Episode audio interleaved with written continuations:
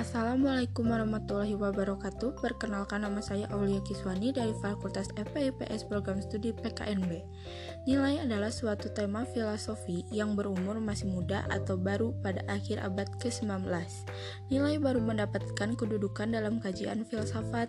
Secara inspirit, nilai sudah lama memegang peranan dalam pembicaraan filsafat. Nilai dalam kehidupan keluarga sehari-hari seperti mencium tangan orang tua saat hendak pergi keluar rumah, meminta izin orang tua saat hendak pergi keluar rumah, dan menjaga sopan santun kepada orang tua. Kita dari kecil sudah diajarkan oleh orang tua kita untuk mengikuti contoh-contoh tadi. Namun, ada pepatah yang mengatakan buah jatuh tidak jauh dari pohonnya. Pepatah ini mengartikan sifat seorang anak akan mengikuti sifat orang tuanya. Jadi, hendaknya orang tuanya mengajarkan nilai dan norma yang baik kepada anaknya sejak kecil dengan menggunakan cara yang baik atau tidak menggunakan kekerasan. Karena jika orang tua mengajarkan anaknya dengan kekerasan, lambat lambat laun anak itu akan mengikutinya. Nilai yang diajarkan oleh orang tua sangat penting, namun lingkungan sekitar atau pergaulan juga sangat penting dalam nilai kehidupan. Seperti contoh, seorang anak yang dididik benar oleh seorang orang tuanya, namun memiliki pergaulan yang salah, anak itu akan terjerumus ke dalam perilaku yang salah. Jadi nilai dalam masyarakat harus dipelajari dan ditaati dengan benar.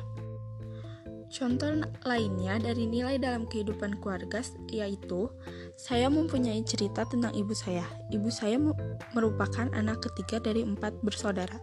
Namun ibu saya dididik mandiri oleh kakek dan nenek saya dari kecil karena kakek dan nenek saya lebih memperhatikan anak keempatnya atau bibi saya. Ibu saya pernah bercerita dari dulu ibu saya juga juga jika mau akan sesuatu barang harus menabung dahulu karena jika meminta uang lebih akan dimarahi oleh orang tua, ibu saya atau nenek dan kakek saya. Ibu saya juga saat bersekolah di SMP memilih pesantren agar meringankan be beban nenek dan kakek saya. Dan saat SMK mengambil jurusan perhotelan dan tata buka, namun saat lulus SMA, ibu saya memutuskan bekerja karena keuangan nenek dan kakek saya.